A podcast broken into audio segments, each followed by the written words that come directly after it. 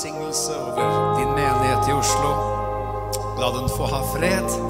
La den få vandre i din frykt, som ditt ord sier, og la den få vokse ved Den hellige ånds hjelp. Herre, vi takker og priser deg for din velsignelse over hver menighet i denne byen. Vi takker deg for hver eneste en, Herre, for du har én menighet i denne byen, og vi velsigner dem, Herre. Herre, vi bare løfter oss opp, også opp for deg. Stortinget, regjeringen, kongehuset, det som du har bedt oss om å gjøre, alle som er i ledende stilling. Må du fylle dem med all visdom og innsikt og forstand, Herre, til å være ledere i landet vårt, Herre. Vi velsigner bystyret. Vi ber om nåde og velsignelse over bystyret i Oslo. Og vi ber her om gode kår for evangeliet i Oslo, i Norge. Velsignelse over dette landet, Herre. Og hjerter som vender til deg. Vi ber for hver menighet i landet, Herre. La bønnens flamme få være tent. Komme ditt rike. Skje din vilje. I Jesu navn. Og alt folket sa Amen. Vær så god, sitt ned.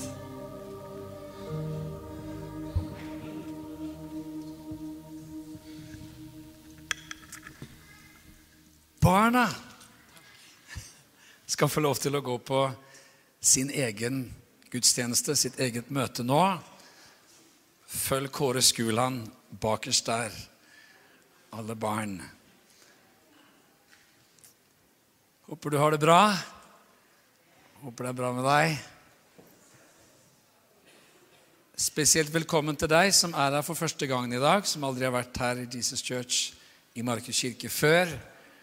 Godt å se deg. Velkommen er du. Vi eh, holder på å dele Guds ord, og vi holder på å undervise ut ifra Johannes evangelium. Der er jo veldig mye man kan undervise om, men vi har, vi har noen uker holdt på å undervise om Jesu tegn. Det er sju spesielle tegn i Johannes evangelium. Og de skal vi fokusere på i løpet av noen uker, og jeg skal ta ett av de i dag. Og eh, Forrige uke så hørte vi om Oddleif Sandtorf, noe som hørte han undervise. Om eh, brødundere, fisk og brødundere. Og Det som er litt sånn gøy her nå, da, det er at vi går igjennom en del sånne veldig klassiske historier. Det er skikkelig søndagsskole, altså. Det er liksom sånn Hvis du vokste opp som en kristen, så, så er dette her veldig kjente historier. Og I dag så skal jeg snakke om Jesus som går på vannet. Og Da kan det jo være at noen med en gang tenker du liksom ser for deg ikke sant, en viss greie, og dette vet du alt om, og dette har du hørt alt som er å høres om. Og det er jo fint. Men så er det jo sånn med Guds ord at det alltid fins mer. Amen. Og det er herlig at man kan få leve i Guds ord et helt liv, og så bringer det nydelig åpenbaring og kjennskap til Gud. Så nå ber vi, Herre, om at du tar og åpenbarer ditt ord for oss, så vi kan få vokse i kjennskap til deg. Amen. Det står i Johannes kapittel 2, der Jesus gjør vann til vin, så står det beskrevet i vers 11 at dette sitt første tegn gjorde Jesus i Kana i Galilea og åpenbarte sin herlighet, og disiplene hans trodde på han. Det første tegnet som Jesus gjør, det åpenbarer noe spesielt. Det skjer noe spesielt. Og Det som er interessant, er jo at Jesus han kaller sine disipler, og så begynner de å følge etter han, og så er det tegn og under og mirakler som skjer i Jesu fotspor hele tiden. Helbredelser, døde vekkes opp igjen. Det er dramatiske hendelser. Men det er på en måte ikke helt ukjent stoff hvis man er liksom bevandret i Bibelens verden. at dette leser vi jo også om i Det gamle testamentet. Vi leser om at Elia vekket sønnen til en kvinne opp ifra de døde. Eh, vi leser opp, og Det er jo Gud som gjør det gjennom han, så når vi sier Elia, så er det Gud som gjør det, men han gjør det gjennom profeten Elia. Han eh, renser en syrer som var en general, som het Naman, fra spedalskhet. Så vi ser liksom denne typen mirakler også i Det gamle testamentet. Og det er klart at Når vi kommer inn i evangelienes verden, så er liksom Jesus i en helt annen kategori, en helt egen kategori. Det er helt sikkert. Det står til og med at en kraft gikk ut ifra Jesus og helbredet alle. Ryktene gikk overalt der Jesus var, at man kunne bli frisk. Og Det gjorde at folk liksom grep tak i kappen hans. ikke sant? Og Vi kjenner til mange av disse historiene. Jeg mener, Galilea og traktene rundt omkring der, det må jo ha vært de, det sunneste og friskeste området på planeten Jorden. For folk ble bare helbredet overalt. Men det som er interessant, er jo at disse tegnene som Jesus gjør, som i og for seg også er helbredelser og mirakler, men så gjør han også, som vi skal se på i dag, sånne tegn som er liksom dypere og har en, også en annen type hensikt, og som innebærer noe mer enn at Jesus rører ved ett menneske eller forandrer ett menneskes liv eller ordner opp i et problem der og da. Disse tegnene de åpenbarer Jesus og hvem han er. Det er det som skjer ved det første tegnet. Han åpenbarte sin herlighet, og disiplene hans trodde på han. Det er jo herlig med Johannes evangelium, for det gir en sånn flomlysåpenbaring om hva som egentlig skjer når Jesus kommer til jorden. Det er ikke så lenge siden vi feiret jul, og det er jo egen, det, det er mye å si om det, men, men det er akkurat som at eh, i, i den norske varianten av julefeiringen så er det blitt en slags sånn kollasj av kulturelle uttrykk og liksom ulike måter å feire jul på. Og, og Hvis du er riktig heldig, så kan du kanskje, kanskje klare å se et, noen gram evangelium sånn innimellom der også. Men, men, det er ikke så lett å få øye på. Men, men av og til så, så, kan man liksom også eh, blant kristne høre ja, det er jo fantastisk at han ble født, men eh, det var helt fantastisk, altså Han ble jo født, men, men påsken, liksom han, han, ble korsfestet og død og begravet, og han sto opp ifra de døde, og det er jo det som virkelig skal liksom markeres. Men du vet, det som er så spesielt, det er at evangeliene de rommer så mye. Og jeg, jeg, jeg, har tenkt på det her siste ukene etter jul, faktisk, at vi liksom bare trenger å gjenerobre denne julen. Det er jo en sånn gigantisk inkarnasjonsfest. Gud ble menneske. Jesus kom til jorden. Jesus vandret omkring. Jeg mener, Gud ble født av et menneske for at han også skulle kunne fødes i deg. Det, det rommer så mange herlige dybder. Men så vet vi at eh, Matteus skriver litt om det som skjer rundt juletider. Han skriver, og Lukas skriver, og de belyser litt ulike ting. De sier noe om eh, krybben ikke sant? og Betlehem, og engler som synger, og hyrdene på marken, og jomfruen som blir med barn, og litt sånne ting. Mens Johannes han nevner ingenting av det der. Han gir oss et sånt lysglimt inn i noe som er litt sånn bak forhenget, og beskriver hva er det egentlig som skjer på det overgripende planet. Og, og, og liksom De første versene i Johannes 1 de er så sprengfulle av kraft at de liksom, det har gjort Guds folk svimle i 2000 år. Det er liksom bare for, så fortumlende å liksom lese, tenke på hva er det egentlig som står. For i Johannes 1 så står det i vers 1 I begynnelsen var Ordet, og Ordet var hos Gud, og Ordet var Gud. Han var Gud i begynnelsen hos Gud. Og så står det alt er blitt til ved ham, og uten ham er ikke noe blitt til av alt som er blitt til. Tenk litt på det ut ifra det vi skal snakke om i dag, med Jesus som gikk på vannet. Alt er blitt til ved ham, ordet som er Gud, som var i begynnelsen hos Gud. Uten ham er ikke noe blitt til av alt som er blitt til. Halleluja. Så står det videre i vers 10, vi hopper litt der. Han var i verden, og verden er blitt til ved ham, og verden kjente ham ikke. Han kom til sitt eget, og hans egne tok ikke imot ham. Men alle dem som tok imot ham, dem ga han rett til å bli Guds barn, de som tror på hans navn. De er ikke født av blod, heller ikke av kjøds vilje, heller ikke av manns vilje, men av Gud. Og ordet ble kjød og tok bolig blant oss. Og vi så hans herlighet, en herlighet som den enbåren sønn har fra sin far, full av nåde og sannhet. det er svært! Jeg har nevnt det noen ganger, og det, vet, det er jo litt sånn eh, I populærkulturen så har jo liksom alle sånne Marvel Universe-filmer og eh, DC Comics og fått en sånn voldsom renessanse. ikke sant? Eh, teknologien har muliggjort å filmatisere ting som var håpløst å gjøre for 30 eh, år siden. Og, og liksom, Det fins bare en endeløs serie av spesielle filmer med, om, om, mennesker med spesielle evner og spesielle gaver, og som liksom skal redde planeten. Anyone? Noen som har hørt om disse, eller er det bare meg?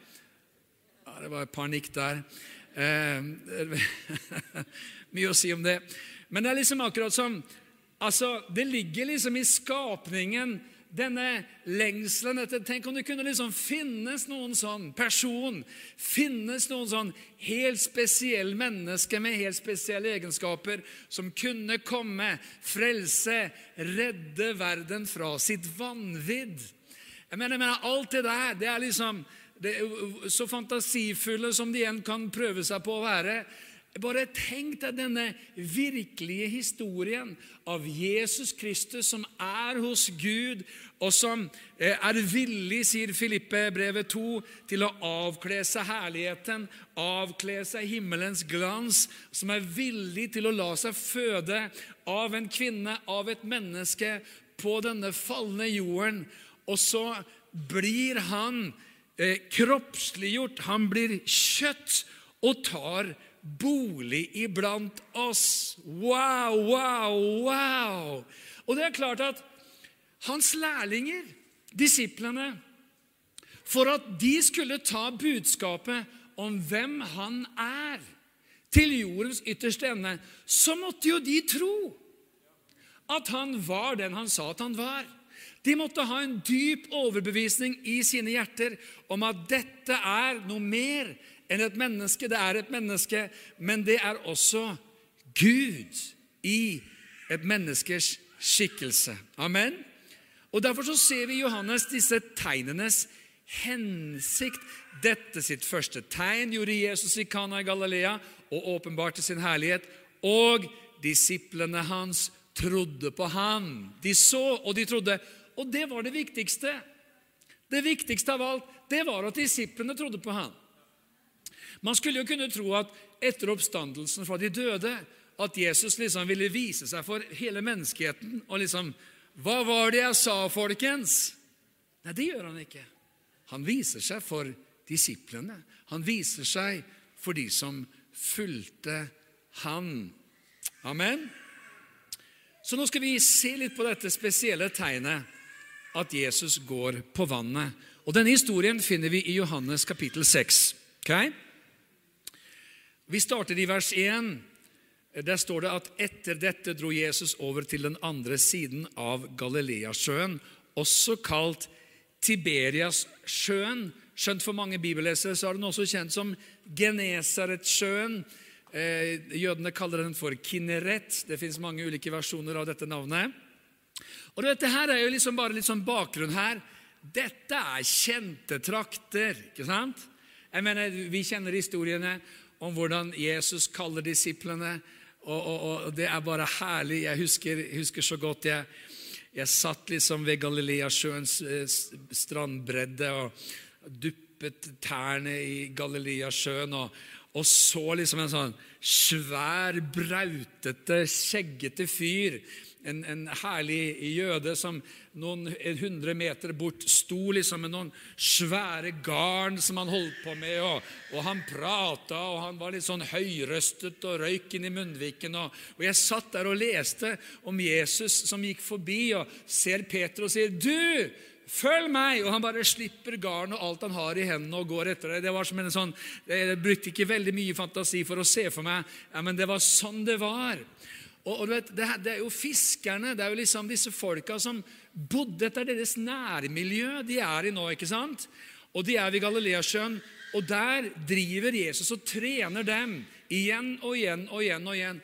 Og det er litt interessant at eh, på et av disse fysiske områdene som de er best kjent, de kjenner det som lomma si, så skal de liksom få erfare andre dimensjoner, det overnaturlige, alt det som sprenger rammen for deres begreper og for hva de kan se for seg. Og Så står det noe annet som også forteller oss noe om dette miraklet, og det står i kapittel 4. Der står det nemlig påsken, jødenes høytid, var nær. Ja vel, Hva sier det om historien? Jo, det, det skal vi komme litt tilbake til. Men det sier f.eks. noe om hvordan eh, månefasen var. Noen som husker hvordan man regner ut når det er påske? Ja, det, er en ganske avansert greie, egentlig. Men sånn kort fortalt så sies det at eh, første påskedag faller på første søndag etter første fullmåne på eller etter vårjevndøgn. Men så er det litt mer komplisert enn som så for osv. Så, så Så eh, Ja, mye man kunne sagt om dette. Men da vet vi at her er det fullmåne. Ok? Det er fullmåne. En liten detalj der. Og så snakket Oddleif forrige uke om noe fantastisk, nemlig det som skjer når han metter 5000. Jeg mener, hva åpenbares for nå? Jo, brødet fra himmelen Akkurat som israelsfolket opplevde at de ble overnaturlig bespist av manna. Og det er Moses som ber, og det er Moses som er redskapet. Hva er det som skjer etter dette her? Jo, i vers 14 leste vi forrige søndag. Da nå folket så det tegnet som han hadde gjort, så sa de dette er i sannhet profeten som skal komme til verden. Og, og dette er en repetisjon, men det tåler å repeteres. Eh, for også Forrige søndag så snakket vi da om hva vil det si, profeten med stor P. Jo, i 5. Mosebok 18 så står det i vers 18, så sier Moses, en profet vil jeg reise opp for dem av deres brødre, like som meg. Jeg vil legge mine ord i hans munn, og han skal tale til dem alt jeg byr ham. Og hver den som ikke hører på mine ord, eh, som han skal tale i mitt navn, han vil jeg kreve til regnskap. Nå har det vært åndelig tørke i Israel i 400 år siden forrige profet talte ut og sa Så sier Herren, siden Malakis dager. Og liksom, Forventningene ligger jo der tjukt etter århundrer med århundrer av profetiske uttalelser om Messias, om profeten, om denne spesielle frelserskikkelsen som skulle komme. Og når de ser dette brødunderet, så tenker de wow! Her er det! Vi har sett han helbrede mennesker, vi har sett tegn og under, og nå ser vi at han skaper mat til folket på overnaturlig vis. Han er profeten. Men Jesus, han vet hva som skjuler seg i mennesket. Og det står i vers 15 at da nå Jesus skjønte at de ville komme og ta ham med makt for å gjøre ham til konge, trakk han seg igjen tilbake og gikk opp i fjellet, han selv alene. Amen. Det er jo en egen preken. Opp i fjellet, han selv alene. Ok, da nærmer vi oss historien vår i dag. For da sier vers 16, og da går vi inn i historien om Jesus som går på vannet. Dette er bakteppet. Men da det ble kveld, gikk disiplene hans ned til sjøen. De steg om bord i en båt for å sette over sjøen til Kapernaum. Det var alt blitt mørkt, og Jesus var ikke kommet til dem. Og sjøen gikk høyt, for det blåste en sterk vind. Da de hadde rodd omkring 25 eller 30 stadier som er noe sånt som 4-5 kilometer. Og forresten så er det, sies det rundt 6 kilometer over nordenden av Galileasjøen, så de har kommet ganske langt egentlig på sin tur. Så fikk de se Jesus komme gående på sjøen. Han kom nær til båten, og de ble redde. Men han sa til dem, 'Det er meg, frykt ikke.' De ville da ta ham opp i båten, og straks kom båten til landet de seilte til. Jeg vet ikke åssen det er med deg, men av og til så har vi lest visse historier veldig mange ganger, hørt dem veldig mange ganger, og det kan veldig litt bli sånn Check. Fint. Så fint. Kult. Stilig. Bra. Fint. Liker det. Men det er interessant hva som skjer. Hva er det vi ser for noe? Jo, vi ser det selvfølgelig at Gud er herre over elementene. At han som skapte alt sammen, kan selvfølgelig gå på det. Noen tenker å, jeg har så vanskelig for å tro på at Jesus gikk på vannet. Det blir liksom litt sånn too much. ikke sant? Hallo! Jesus Kristus, Gud i menneskelig skikkelse, Gud og menneske. Vi leste jo for litt siden alt er blitt til ved ham, og uten ham er ikke noe blitt til av alt som er blitt til. Hvis du går helt til første Mosebok kapittel 1, så ser man igjen og igjen La oss skape mennesket i vårt bilde. Jesus var hos Gud, amen, fra i begynnelsen. Det er klart at skaperen har elementene i sin hånd, er herre over vind og sjø og Ikke sant? Åpenbart.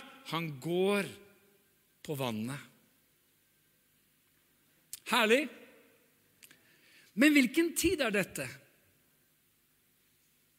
Hvilken tid på året er dette? Påsken, påskens høytid, nærmer seg. Og hva er det man feirer i den jødiske påsken?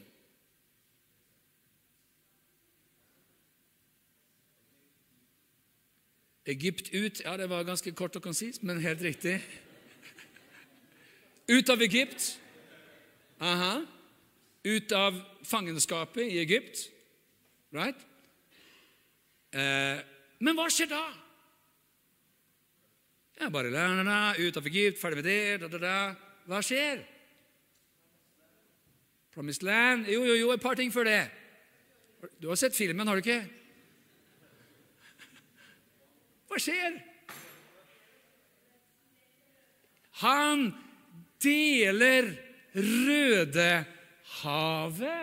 Aha.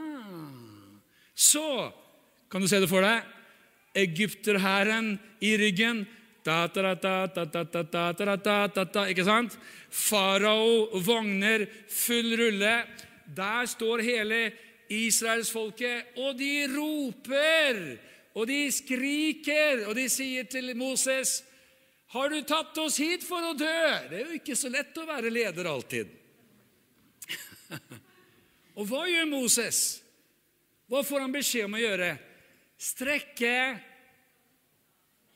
håndstaven ut, og Gud deler havet, og folket går igjennom.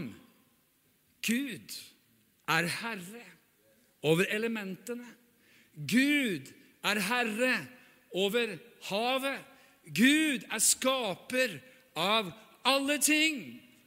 Så når Jesus skal åpenbare sin herlighet for at hans disipler skal forstå at han er Gud i kjøtt, så tar han et mirakel som ligger så dypt forankret i jødenes kultur, som de feirer om noen få dager.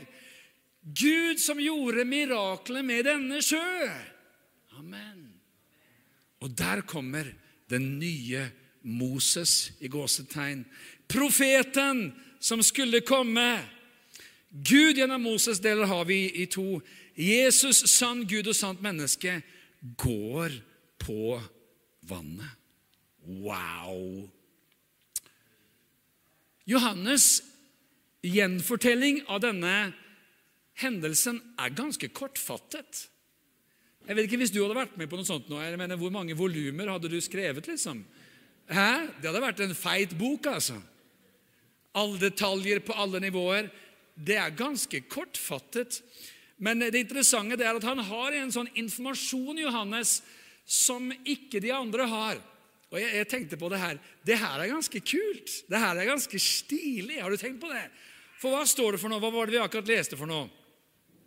Jo, da ville de straks ta ham opp i båten. Han sa til dem, 'Det er meg, frykt ikke.' Da ville de ta ham opp i båten, og så står det, 'Og straks kom båten til landet de seilte til'. Så det er ikke bare sånn 'Jesus går på vannet'-underet. Det er sånn 'Straks kom båten ditt til land under'. Altså, kan du, kan du se det, står jo det. At Jesus går om bord i båten, og uff, der er de framme. Smokk! Det står jo det. Det står jo det. Kan du tenke deg? Jesus kommer inn i båten. Ohoi, zjup, der er de framme. Kult! Hvor kult er ikke det? Jeg syns det var litt kult. Jeg syns det var litt engasjerende. Jeg vet ikke, jeg syns bare det var litt stilig. For hva er det Jesus viser da, da? Jo, Han viser jo det han allerede har vist, men også på en annen måte at han er herre over tid og rom. Han som er skaper av alt. Han er uavhengig av tid og rom. Han kan gjøre hva som helst. Amen. That's a boat ride they would never forget. Kan du tenke deg? Som å, å, ro, storm, kamp, vind, orkan, bølger, kaos Åh! Jesus kommer inn, sjopp, framme. Takk for entusiasmen. Jeg ville bare, bare nevne dette. Så er det jo sånn at jeg må nesten i dag få lov til å liksom se litt på disse parallelle historiene. fordi det er jo interessant at Gud har ønsket at når det gjelder Jesu liv, så skal vi virkelig få grep på det. Derfor så har han fire forfattere, Matteus, Markus, Lukas og Johannes, som alle på ulike måter beskriver hendelser i Jesu liv. Noen av historiene er de samme i flere av de, noen kommer bare inn i ett av de, det er litt forskjellig. Men det interessante det er at hver og en av de, Når man leser de parallelt, så åpenbarer de gjerne litt sånn Du kan se for deg akkurat som at eh, vi er tre-fire stykker som har liksom opplevd den samme greia, og så skal vi gjennomføre dette her, og så husker vi litt, eh, litt, forskjellige ting, og kanskje betoner litt forskjellige ting, og summen av det blir liksom helheten. ikke sant? Og Derfor er det interessant å se hva er det Matteus og Markus har med denne historien som Johannes ikke har med. Jo, vi leser Matteus 14, vers 22. Og straks nødde han disiplene til å gå i båten og dra i forveien for ham over til den andre siden, mens han sendte folket fra seg. Da han hadde sendt folket fra seg, gikk han opp i fjellet for å være for seg selv og be. Og da kvelden kom, var han der alene. Så langt, så langt ganske likt, hva? Men båten var alt midt ute på sjøen, og den stampet hardt mot bølgene, for vinden var imot. Men i den fjerde nattevakt kom han til dem gående på sjøen. Eh, og Ifølge den romerske terminologien så er vi da omkring klokken tre på natten. Den jødiske terminologien er litt annerledes, men her man ser en del ganger i Johannes at han bruker romerske benevnelser. Så det er omkring tre på natten. Og hva skrev Johannes? Han skrev de ble redde. Ja, de ble redde. Så kommer Matteus. Jeg mener, han er en litt annen type forfatter, kanskje. jeg vet ikke. I hvert fall så husker han dette på en litt annen måte. Og det kan jo også være at Matteus er skrevet nærmere i tid. Johannes har kanskje skrevet sitt evangelium helt på slutten av sitt liv. Kanskje 70 år eller noe sånt etter at dette skjedde. Mens Matteus er nærmere i tid, og det er interessant at han skriver da disiplene fikk se ham der han gikk på sjøen, ble de slått av skrekk og sa 'Det er et spøkelse!' Og så står det om disse tolv staute karer. De skrek av redsel. Kan vi få høre hvordan det høres ut å skrike av redsel? en gang til! Nei, kom igjen, da. Det der er sånn karusellredsel, det der. Hæ? Lise Berg eller Tusenfryd, liksom. Nei, nei, nei, skrik av redsel, altså. Hvis du virkelig, Det er helt greit, vi bør ikke gjøre det. Men jeg mener Tolv menn skriker av redsel! For et spøkelse er De tror på ordentlig at det er et spøkelse! Jeg mener, Du har jo bare blitt redd når du har sett spøkelser på film. Det fins jo en eller annen som har satt popkorn i halsen, for du så liksom et eller annet som var litt heftig. Men jeg mener, der er de ute på sjøen i stor nød. Det er krise, det er storm, det er høye bølger, det er panikk, det er kaos. Og så kommer det en fyr gående bortover, og de tenker det er et spøkelse. De blir skrekkslagne. De skriker. De er livredde. Aha. Got the point? Ok. Ja. Men Jesus talte straks til dem og sa, 'Vær ved godt mot. Det er meg.'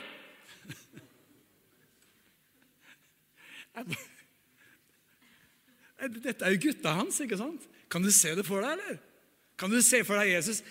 Jeg vet ikke om han smiler, eller jeg vet liksom ikke hvordan han ser ut, men men han var jo veldig glad, det vet vi. Hebreerbrevets forfatter sier i kapittel 1 og vers 7 eh, der omkring at eh, Gud, din Gud har salvet deg med gledens olje framfor dine medbrødre, for du har elsket rettferd og hatet urett. Så han var jo den gladeste personen som har gått på to, to ben.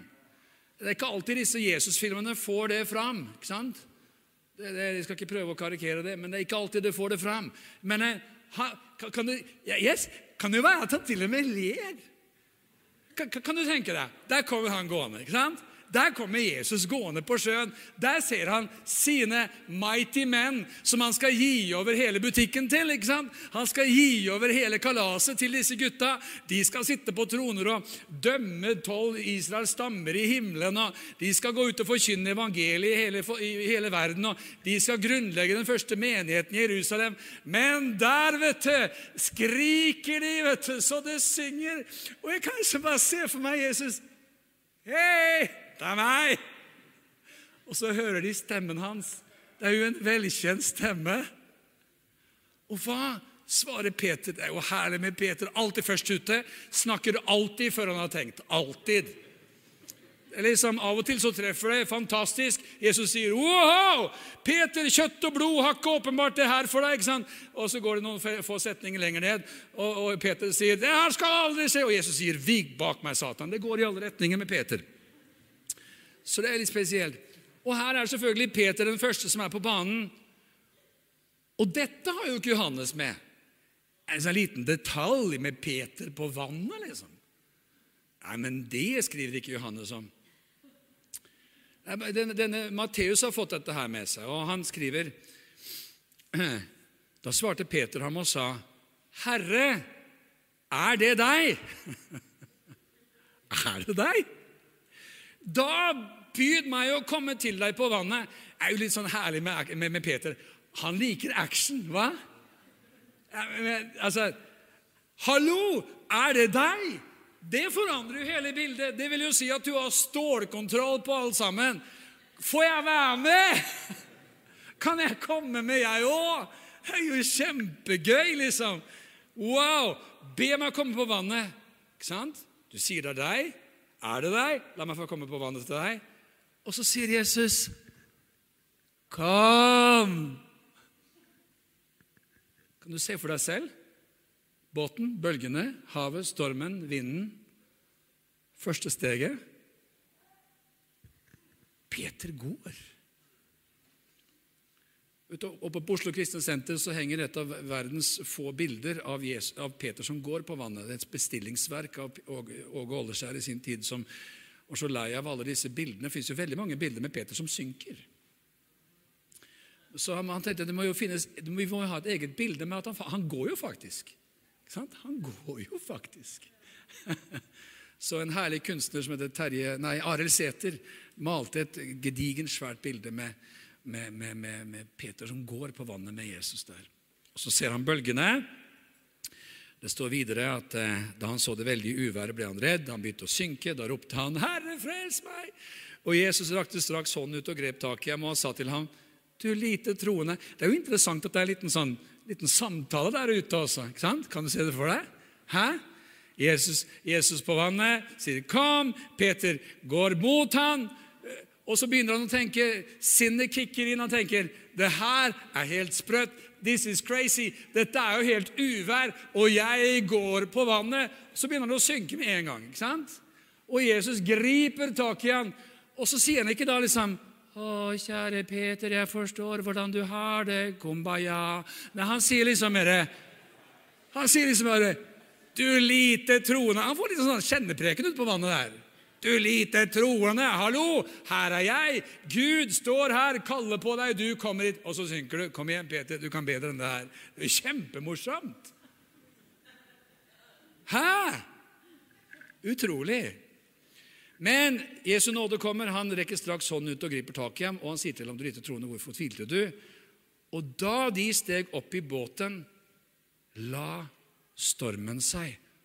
Og nå skjer det noe spesielt, som Matteus utdyper, og som vi ikke leser i Johannes. De som var i båten, kom, falt ned for ham og sa:" Sannelig, du er Guds sønn. Tegnene åpenbarer hvem han er. Åpenbarer hans natur. Åpenbarer at dette er Gud kommet i kjøtt. Vi hørte, vi hørte om reaksjonen på det første tegnet, vann til vin. Han åpenbarte sin herlighet, og disiplene hans trodde ham. Nå er det sterkere. Det er du er Guds sønn. Et par kapitler seinere, i, i Matteus 16, så spør jo Jesus sine disipler dette spørsmålet. Han sier til dem, hvem, dere, hvem sier dere at jeg er? Da svarte Simon Peter og sa, du er Messias, den levende Guds sønn. Ok, Vi skal ta en liten titt også på Markus-versjonen. Markus er jo i gåsetegn sekretæren til Peter. Peter er det apostoliske opphavet til Markus' evangelium. Og Han skriver også om dette, og vi leser litt om dette også i Markus kapittel 6 og vers 45. Straks nødde han disiplene sine til å gå i båten og dra i forveien over til den andre siden, til Betzaida, mens han selv sendte folk av sted. Og da han hadde tatt avskjed med dem, gikk han opp i fjellet for å be. Da kvelden kom, var båten midt ute på sjøen, og han var alene på land. Han så at de slet hardt med å ro, for de hadde vinden imot. I den fjerde nattevakt kom han til den vandrende på sjøen, og så kommer Markus med en sånn helt fantastisk informasjon. Se på det her, folkens! Hæ? Og ville gå forbi dem! Altså, jeg tenker dette er humor. Det her, det er, det fins humor i evangeliene. Det er helt klart, altså. Du, du, du, må følge litt ekstra med av og til for å få øye på det, men det er en del humor. altså, Virkelig. altså, Her er et av de øyeblikkene. Jeg mener, Én ting er at Jesus vandrer på sjøen, men han holder på å gå forbi dem. Hallo! Hæ? Ok. Og hva skjer da? Vi kommer tilbake til dette, men vi ser det samme. Da de fikk se ham der han gikk på sjøen, trodde de at det var et spøkelse, og satte i et skrik. For de så ham alle og ble slått av skrekk. Men straks talte han til dem og sa, Vær frimodige, det er meg, frykt ikke. Han steg opp i båten til dem, og stormen stilnet. Men de var helt ute av seg av forundring. For de hadde ikke fått forstand av det som var skjedd med brødrene. Deres hjerte var forherdet. Da de hadde krysset sjøen, la det til ved Genesaret-landet og fortøyde der. Ok, La oss liksom bare oppsummere historien så langt, folkens. Ok, hva skjer? Jesus gjør brødundere. Jeg mener, det er fantastisk. 5000 menn pluss kvinner og barn. Kanskje 25 000 mennesker. Jesus har velsignet eh, brød og fisk. Eh, det tar helt av. Hvem får i oppgave å dele det ut? Disiplene. Eh, det er veldig mange mennesker. Det er veldig mange mennesker. ikke sant? Det er kanskje sånn 2000-3000 mennesker på hver av disse tolv. Og du leser jo detaljer, ikke sant, at de skulle settes ned i grupper på 50 og forskjellig sånn, så de organiserte greiene. Det er en lang dag, det har vært fantastisk, men de er slitne. Og så står det om dette brød- og fiskeunderet at det var tolv kurver surprise, til overs. Så vi kan jo liksom da se for oss at det, i denne båten så finnes det en disippel, eh, tolv disipler med en kurv hver av fisk og brød. ikke sant? Provianten er med til reisen videre. Og Jesus han har skjønt at disiplene er nå så slitne, så han sender dem av gårde og sier, 'Jeg sender folket av sted. Dra nå, dere. Det her går bra.' Og så går Jesus opp i, i fjellsiden. Eller du, vet, du, du, som har vært i området, du kjenner liksom til disse herre det, det, det, det, mer, er jo ikke fjell, altså, men det er mer sånn kupert landskap. Man går opp i, i siden der, og så, og så ber han, og så er han alene. Og så er det fullmåne, trolig. Og så kommer vinden, og noen av oss kan jo tenke liksom, storm og innsjø og det, det, høres jo litt sånn overdrevet ut, men du vet at Genesaretsjøen ligger jo flere hundre meter under havets nivå. Og Ann og jeg var der en gang. Det er interessant, altså Når det begynner å blåse i Norge, så sier vi å, nå blir det kaldt. Mens akkurat når vi var der, så begynte det å blåse noe helt vanvittig, og det ble så varmt. For denne ørken, den, den, vinden kom jo fra ørkenen og var 40 grader varm. Det var kraftig. altså. Plutselig, på noen få minutter, så ser vi liksom bølgetopper og skummende hvite topper på bølgene. ikke sant, og, og så, videre, sånn. så, så Jesus, han er der og ber. Og så ser han vinden kommer. Og kanskje Bruk fantasien litt her nå, da. Så ser han der i måneskinnet Så ser han noen som jobber for livet og ro, og det går jo ikke, ikke sant? Og det er en liten båt.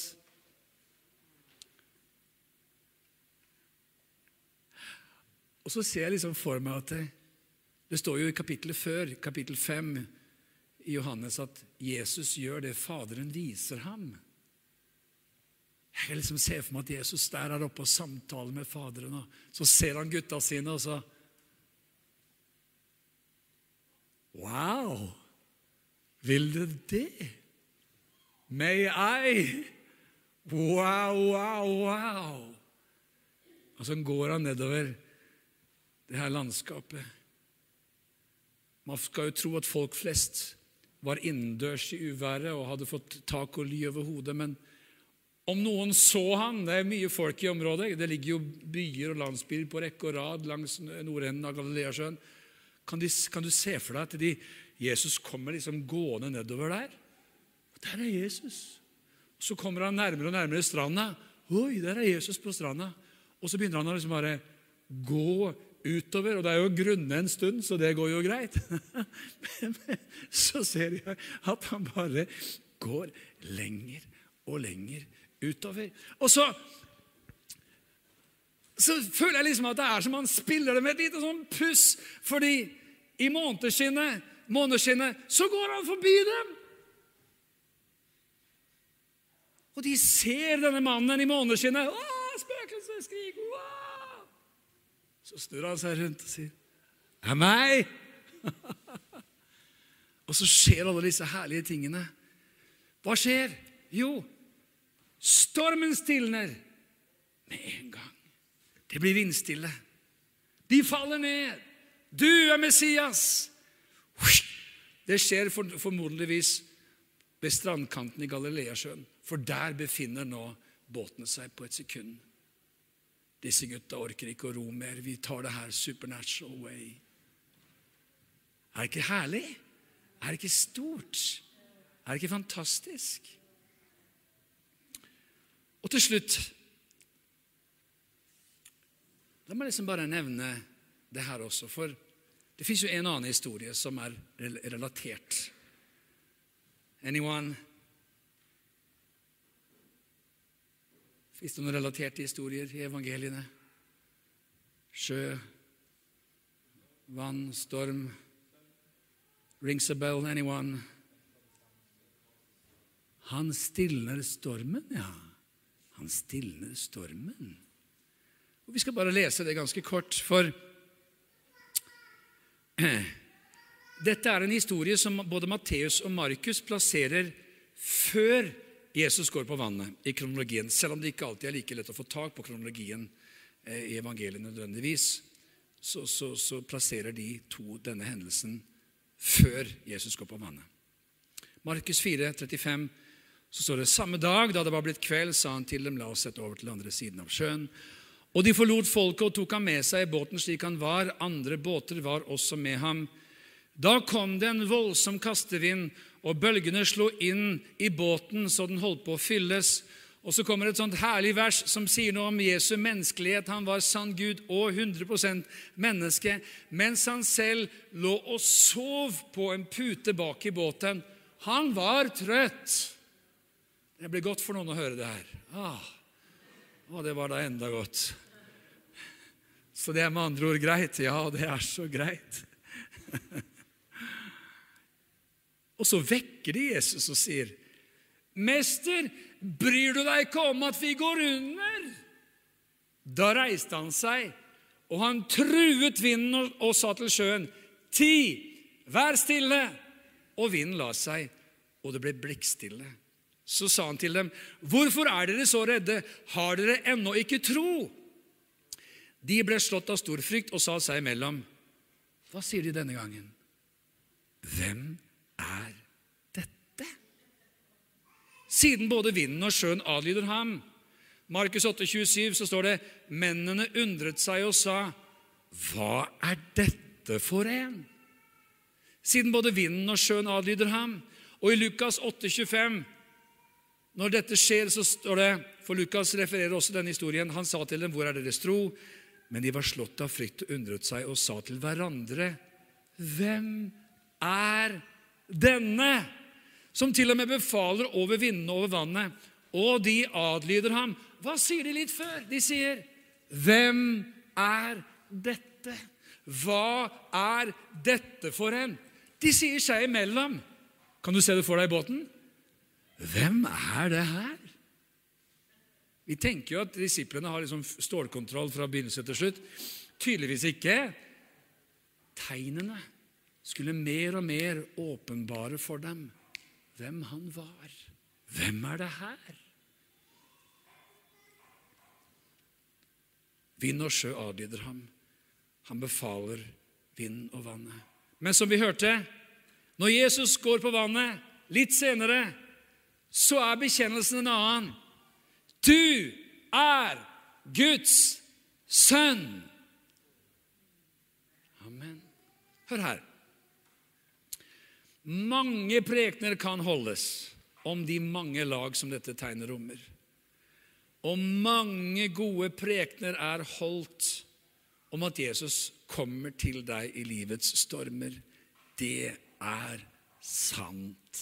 Men nå lar vi Johannes selv konkludere i sitt eget evangelium hva han vil si oss gjennom beskrivelsen av disse hendelsene. Og Det leser vi om i Johannes 20, vers 30. Der står det helt enkelt Og så mange andre tegn gjorde Jesus for disiplenes øyne, tegn som det ikke er skrevet om i denne boken. Men her kommer hensikten. Disse er skrevet for at dere skal tro at Jesus er Messias, Guds sønn. Og for at dere ved troen skal ha liv i hans navn. Og vet du, Derfor så rommer de historiene som vi også har lest nå, referert til, livets aller største spørsmål for hvert menneske. Hva da? Hvem er denne? Vet du, det spørsmålet der Det er det spørsmålet som går som en skillelinje gjennom hele historien. Hvem er denne? Han gjør det, han gjør det, han gjør det, han gjør det, han gjør det, han gjør det, han gjør det. Og så kommer disiplene til denne konklusjonen. Sannelig, du er Messias, Guds sønn. Og vet du Den konklusjonen kan hvert menneske komme til. Og den konklusjonen kan du komme til. Disse tegn er skrevet for at vi skal forstå at han er Messias, Guds sønn, og at vi ved troen skal ha liv i hans navn. La oss reise oss opp, alle sammen. Hvis du er her på denne søndag formiddagen eller ser på skjermen, og du ikke har kommet til erkjennelsen av at Jesus er Guds sønn, at Jesus er Messias, at han er den som skulle komme til verden, så banker Jesus på ditt hjertes dør. Han er Guds sønn. Han er den som ga sitt liv for menneskeheten, for at hver den som tror på Han, ikke skulle gå fortapt, men skulle ha evig liv. Så her hvor vi står akkurat nå, så, så bare vender vi vårt hjerte til Jesus Kristus og sier, Herre, her er vi. Dine er vi.